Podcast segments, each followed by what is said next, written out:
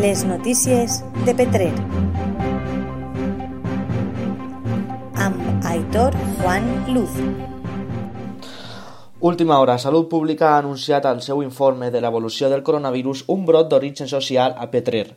La Conselleria ha detectat almenys 4 persones contagiades en un mateix focus sumant-se a 31 persones positives per PCR en els darrers 14 dies. Des de l'inici de la pandèmia, el municipi ha tingut 144 contagis i 11 morts.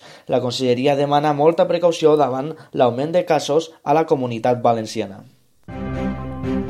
Les notícies de Petrer. Aitor Juan Luz.